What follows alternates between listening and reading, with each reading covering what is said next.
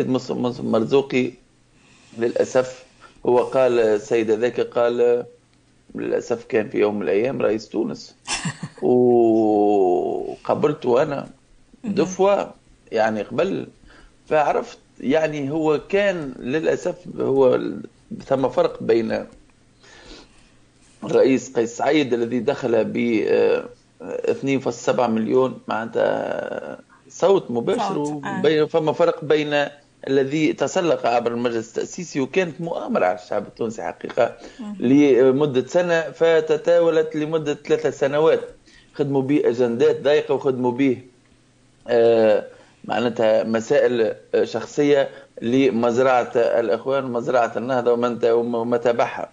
للأسف اليوم ويتغاضون يقول لك غزة ويقول لك فلسطين يا سيدي اذهب إلى فلسطين وسيبنا فهمني؟ غزة في, في قلوبنا وفلسطين في قلوبنا ويتباهوا بك الشعارات يا ودي عندك أسوأ من مخيمة من مخيم اللي يرموك ومن مخيم جنين ومخيم رفح.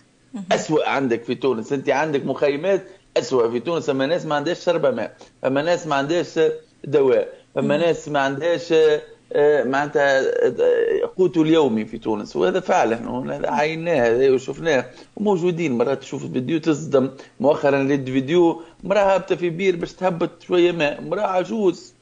هابطة في بئر يعني لهنا مراحل تجي تحل فمك على فلسطين حتى ربي ما قالش. أبدأ بمتاعك وبعد برا غادي. فهمني؟ ولو كانت فلسطين عنا نكونوا نحن سباقين. فهذه المزايدات والشعارات حقيقة لاستعطاف الشعب التونسي ولاستعطاف الناس واللي هما فهمني الشعب التونسي قال كلمته يعني حتى في في 25 آه، جويليا قال كلمته. يعني ما فهمتش أنا علاش سيد مصطفى المرزوقي البارح خرج يتكلم. وحليه وخاصة نعم. قال برشا مغالطات. يعني قال برشا حاجات غلطة مش صحيحة مش هكاكا يعني أنا أنا نعلق لك اللي السيد معناتها مصطفى المرزوقي خلينا نقول الرئيس السابق لأنه يعني كان رئيس تونس. هكذا سجل التاريخ. أنه قال استقلت من العمل السياسي عنده سنة ونصف. إيش رجعوا. والله ما أنا عارفين. يا انزل هو ولا هنا في باريس. يا هبط لتونس شوف أمورك. ممكن تمنع من السفر ممكن تقعد غادي.